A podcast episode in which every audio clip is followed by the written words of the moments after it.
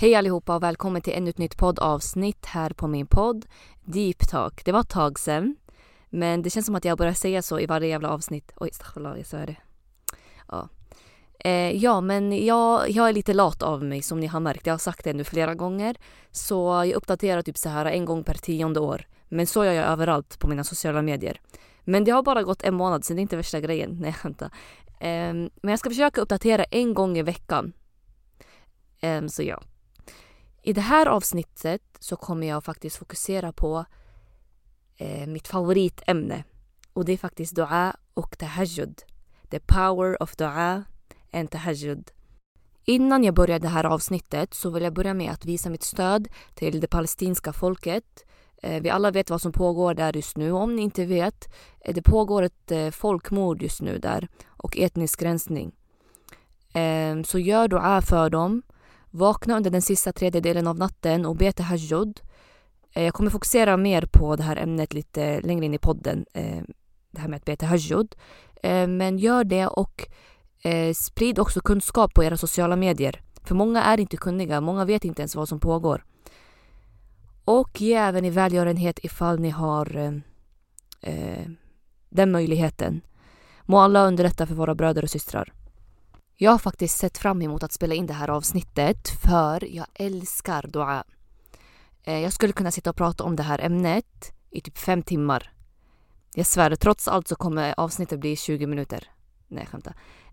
Men eh, alltså på riktigt, jag älskar dua och tahajjud och alltså det är så, hur säger man, mäktigt. Alltså på riktigt. Så, nu vet inte jag om alla som lyssnar på mig är muslimer. Om ni inte är muslimer, skriv gärna till mig på Instagram. Eh, för att eh, oftast så har jag, alltså jag har pratat mycket om islam och så, så jag vet inte ens om andra lyssnar. Eller alltså det känns som det är bara muslimer som kanske lyssnar. Men om ni inte är muslimer, skriv till mig på eh, Instagram. Alltså så jag vet så att ni lyssnar på min podd, fattar ni? För det blir kul bara. Eh, men ja, så jag kommer vara väldigt eh, detaljerad av mig när jag pratar, för alla kanske inte förstår vad dua betyder och vad tahajjud betyder. Så dua betyder Alltså om vi googlar upp ordet dua, det betyder åkallan, bön. Eh, alltså är, på engelska är det supplication, yani man åkallar någon. Och eh, när vi gör dua, då åkallar vi alltid Allah. Och så dua är ju då en bön vi muslimer gör. Och det här är liksom inte, det här ingår inte i de fem obligatoriska bönerna utan de fem obligatoriska bönerna, eh, de här är liksom, yani det är obligatoriskt som jag sa. Eh, men det är inte samma sak som dua. Du kan dock göra dua i sujud. Um, men jag kommer också fokusera på att liksom göra dua generellt utanför bönen. Så till er som inte är muslimer och inte förstår riktigt. Dua är liksom, kolla vi lyfter upp händerna och så pratar vi bara med Gud. Alltså vi pratar med Allah helt enkelt. Eh, nu vet jag kanske att kristna de lyfter också upp händerna men jag tror de håller ihop händerna. Jag vet inte, rätta mig om jag har fel. Men vi lyfter liksom upp händerna Eh, och så ber vi en bön. Och det jag älskar med dua är att man är väldigt, eh, hur ska jag förklara, man är så här uppriktig. Alltså man säger bara det man har i hjärtat. Yani du pratar bara med Gud. För till exempel när vi, be, när vi ber våra fem obligatoriska böner, eh, då är det liksom Självklart har dua också regler. Det finns en etikett som man följer också när man gör dua. Men till exempel när vi ber våra fem obligatoriska böner, eh, då har vi liksom eh, alltså det, det, är obligatoriskt att säga eh, eh, olika saker om ni förstår hur jag menar. Eh, men då är det mer så här att du säger bara det du har i hjärtat. Eh, båda är självklart bra. Nu lät det som att jag ser ner på bönen, absolut inte. Men jag pratar mer om att Du'a är mer, alltså hur ska jag förklara? Alltså det är typ, alltså hur ska jag förklara? Det är så här mäktigt. Förstår ni vad jag menar? Jag ska försöka förklara lite mer. Så, jag nämnde ju också att vi har, alltså det finns en etikett när man gör dua och man börjar med att prisa Allah. Okej? Okay? Och det kan då vara att man säger Allahumma lakal hamd. Eh, du prisar Allah helt enkelt. Och därefter så skickar man välsignelser över profeten Muhammed sallallahu alaihi wasallam. Så man säger Allahumma salli wa sallam ala sayyidina Muhammed. Eh, och sen så gör man eh, kan man göra tauba också för det, man vet aldrig. Ibland om man kanske Eh, om man har för mycket synder och man har inte liksom bett om förlåtelse eh, då kanske den här duan, alltså det här, dina synder kanske stoppar svaret av din dua.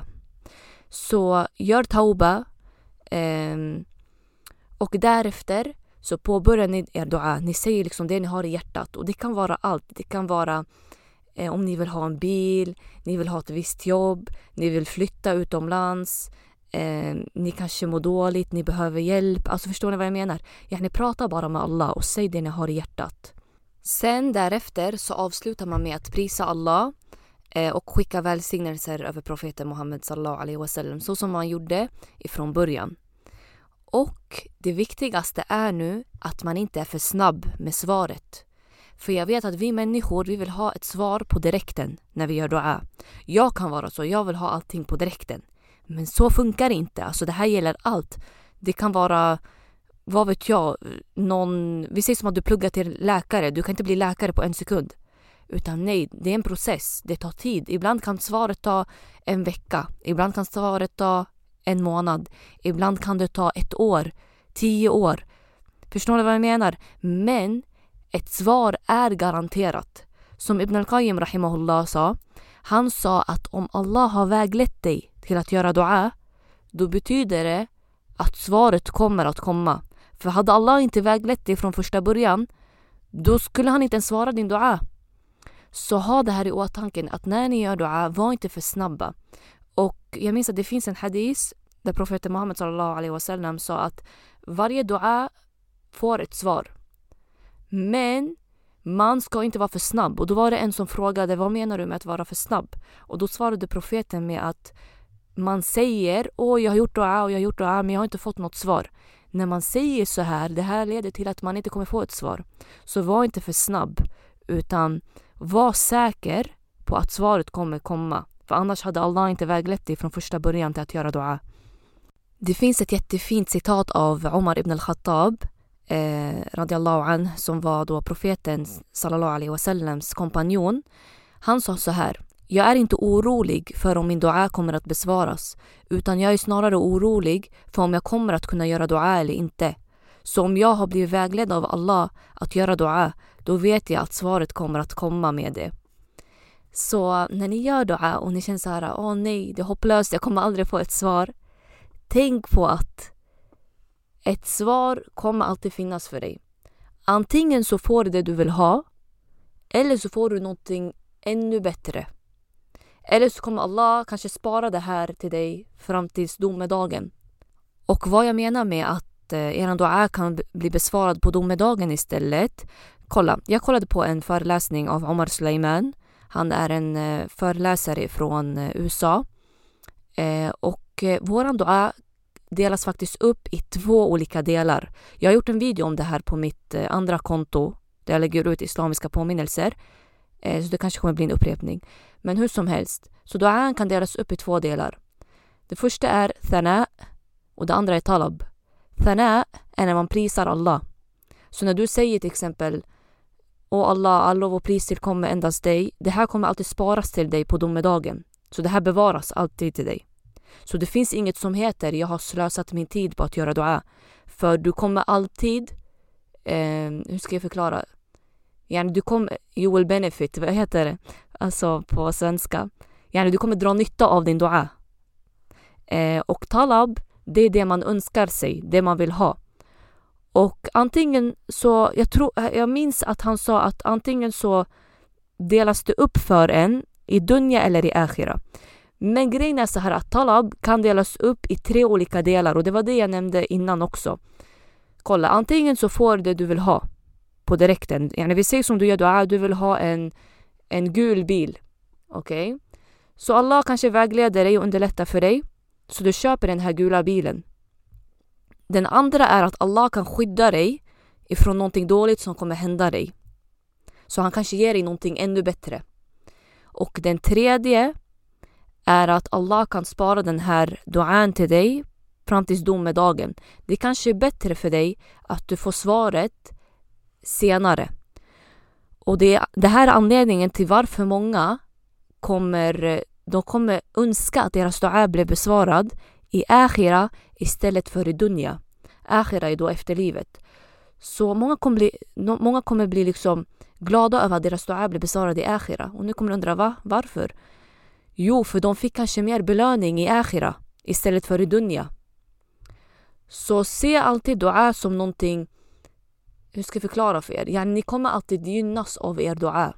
Vare sig ni får ett svar i akhira eller i dunja. Så nu när jag ändå har förklarat lite hur dua fungerar och eh, hur svaren brukar fungera och så vidare. Eh, för någon vecka sedan när jag satt och liksom planerade det här avsnittet så satt jag och tänkte så här, jag bara alltså de flesta duan jag har gjort har blivit besvarade. Men problemet med mig är, och jag tror det här är också ett problem hos många, vi fokuserar inte på svaren vi har fått utan vi fokuserar på det vi inte har fått än. Förstår ni vad jag menar? För kolla det finns en dua jag har gjort jättelänge, den har inte blivit besvarad än, men jag vet att den kommer bli besvarad, men inte än. Men så jag satt och reflekterade, jag bara, men de andra jag har gjort har blivit besvarade. Så jag gjorde en lista i min telefon på allt jag har fått besvarat. Och jag har fått svar. Men det är bara det att jag har typ inte tänkt på det. Staffala, jag låter fett otacksam. Men jag försöker vara tacksam walla. Eh, men subhanallah, alltså det fick mig att tänka på att vi människor, vi är fett otacksamma av oss ibland och så vi glömmer bort allting typ. Och det finns en vers ifrån Koranen. Allah nämner att om vi försöker räkna hans välsignelser, det kommer inte gå. För det är så många. Walla, vi har så många välsignelser i vårt liv, men vi glömmer bort. Yani jag kan se, jag kan höra, jag kan prata, jag kan gå. Det här är alltså Närma, walla, det här är alltså någonting jättebra. Men vi tänker inte på det här. Så människan kan tyvärr vara lite otacksam ibland. Men en dua som jag kan ta upp här, som jag fick eh, besvarad, det var faktiskt när jag flyttade till Uppsala. Men nu i efterhand så tror jag faktiskt att det här var ett test. Eh, och att det kanske inte var bra för mig. Eller alltså, det kanske ändå var bra för mig att jag flyttade. Men det var ändå som en, alltså det var en prövning för mig. Men som sagt, jag har ju nämnt innan också att prövningar är bra för oss muslimer också, för det kan få bort våra synder. Eh, men Allah och alam, jag vet inte, det är, bara, det är bara Allah som vet bäst. Om det var en prövning eller ja. Men hur som helst. Eh, så den här flytten den var väldigt, alltså från början gick det väldigt bra men sen så Eh, alltså grejen, jag gillar inte att prata om mitt privatliv här om jag ska vara helt ärlig. Det är det när man har podd, du måste öppna upp hela ditt liv. Men på senast, alltså de senaste, eh, vad heter det, inom den senaste tiden så har jag blivit väldigt så här, privat av mig. Förut jag filmade allt, typ på mina stories, jag visade hela min vardag och allting. Men nu har jag blivit jätteprivat. Jag gillar typ inte att visa mig svag framför folk jag inte känner. Alltså det låter fett deep, men på riktigt. För jag tänker så här, okej okay, vad ska de göra? Jag är hellre jag går och pratar med Allah istället för att säga till folk. Alltså förstår ni? Men ja. Men ja, det här året har varit fett jobbigt för mig. Alltså jag blev typ deprimerad, på riktigt jag hamnade i typ någon djup depression. Helt seriöst. Alhamdulillah det har, det har blivit bättre. Eh, nu på slutet. Eh, men ja, det var väldigt jobbigt. Så jag hoppas verkligen att det andra, ofta det andra året, jag hoppas att nästa år blir ett bra år för mig. Eh, Ja. Men ja, vad var det jag pratade om ens? Jag minns inte. Nej då. Eh, ja, det här med Uppsala till exempel. Okej, okay, Allah besvarade min dua. Jag gjorde, jag gjorde dua. Jag sa ja Allah, om det här är bra för mig, snälla underlätta för mig så jag kan flytta. Och jag flyttade. Så det var kanske ändå bra för mig. Förstår ni? Och Allah underlättade ändå. Alhamdulillah, jag fick ett jobb. Jag lärde känna nya människor. Eh, och nu när jag tänker efter. Ibland jag tänker så här, kolla, har ni någonsin tänkt att Tänk om ni är svaret för någons dua. Förstår ni vad jag menar? Yani ibland, din dua behöver inte bli besvarad. Du kanske är svaret till någon annans dua. För, okej okay, jag kanske behöver berätta lite mer. när Bakgrundsinformationen, vad var Jag fattar inget. Men jag bodde faktiskt hos en tjej först. Jag var inneboende hos en tjej. Ehm, och jag minns att hon mådde inte så bra. Och under den tiden så kom jag, alltså vi blev typ så vänner.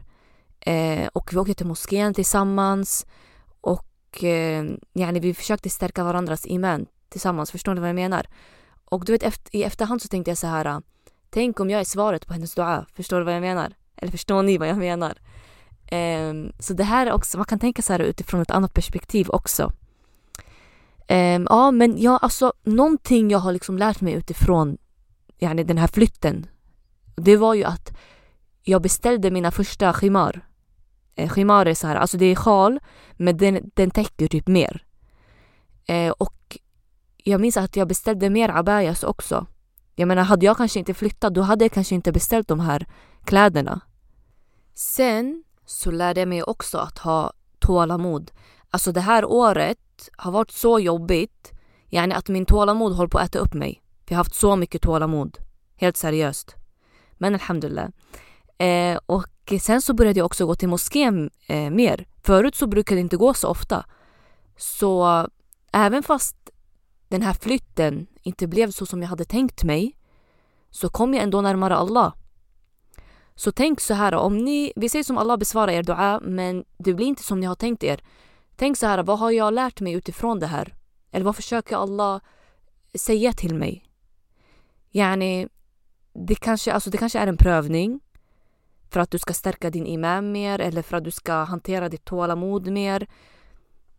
Och tänk så här, till och med profeterna blev prövade. Varje profet hade en prövning.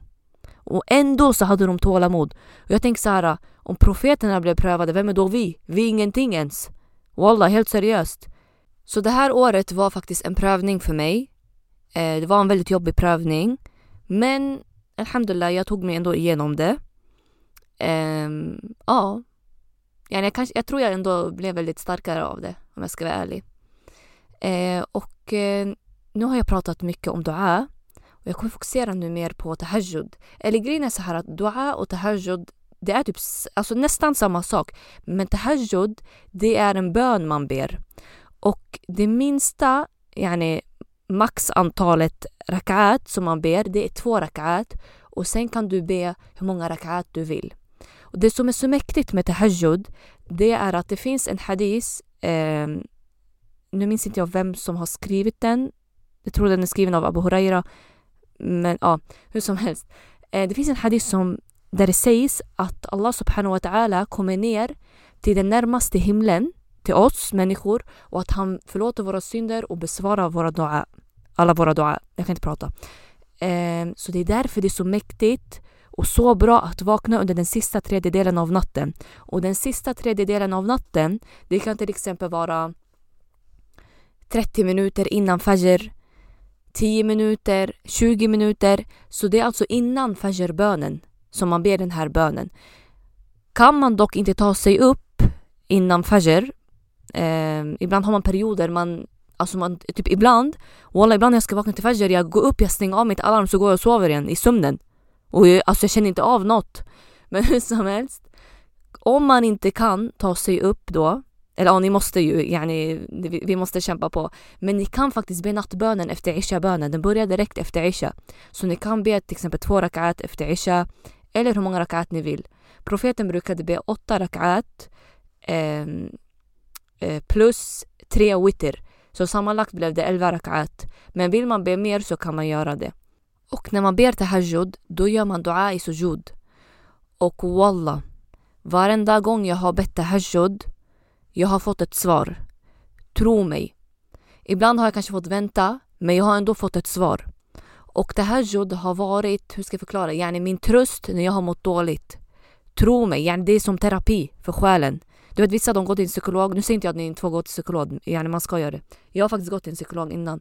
Men just det, jag fick skrattanfall en gång. Ja, hur som helst, det här är en helt annan historia. Eh, men wallah tahajjud, alltså hur ska jag förklara för er? Yani it's powerful. Tro mig. Och Imam Shafi'i, Imam Shafi'i är en eh, lärd, eh, rahimahullah, han är en lärd. Han sa att att be tahajjud, det är som en pilbåge som inte missar sitt mål. Yani svaret är garanterat, du kommer få ett svar. Yani tänk dig helt seriöst, Allah vägleder dig till att vakna mitt i natten innan fajrbönen för att göra dua och för att be. Yani svaret är garanterat, tro mig. Som jag sa, svaret kommer alltid vara garanterat när man gör dua. Men ibland så kan det ta tid. Men tänk så här, under den här tiden som det tar tid, tänk på att ni kommer ändå gynnas under den här tiden. För Allah kanske, vi säger som att er dua blir besvarad direkt då kanske ni kommer sluta göra dua och be tahajjud. Så under den här perioden så kanske så kommer ni närmare Allah. Förstår ni vad jag menar? Så ibland, även fast svaret tar lång tid, så tycker jag ändå att att göra dua kanske är bättre än svaret. Förstår ni vad jag menar? Det här fick mig faktiskt att tänka på, eh, det finns ett citat ifrån en bok som jag läste, den heter Timeless Seeds of Advice tror jag. Eh, då var det eh, någon som hade skrivit Hur har man tålamod? Och då var svaret på den här frågan på samma sätt så som när vi fastar. Vi är säkra på att eh, alltså adhan av Maghrib kommer att infalla. Yani, vi vet, ni vet när man fastar, vi vet ju att vi kommer bryta fastan till slut. Men vi måste bara vänta, vi måste ha disciplin. Samma sak här när vi gör dua, vi vet att vi kommer få ett svar. Men vi måste bara vänta lite till fram tills att vi får svaret. Jag tänkte faktiskt berätta en eh, jätte, jättefin berättelse just nu. Eh, den handlar om en känd lärd. Eh, han heter Imam Ahmed ibn Hanbal. Eh, han kallas också för Imam Ahmed. Eh, men han var en väldigt, väldigt känd lärd. Och än idag, jag tror, vi, kolla vi har ju fyra rättsskolor inom islam och en av dem är Hanbali. Jag tror den är grundad av honom. Rätta mig om jag har fel. Men den heter ja, Hanbali som jag nämnde. Hur som helst, så den här berättelsen är, eh, den handlar om Imam Ahmed och eh, en bagare. Så Imam Ahmed han var en väldigt, väldigt kunnig lärd eh, och han var från Bagdad i Irak. Så han skulle en gång resa till Sham som ligger i Syrien.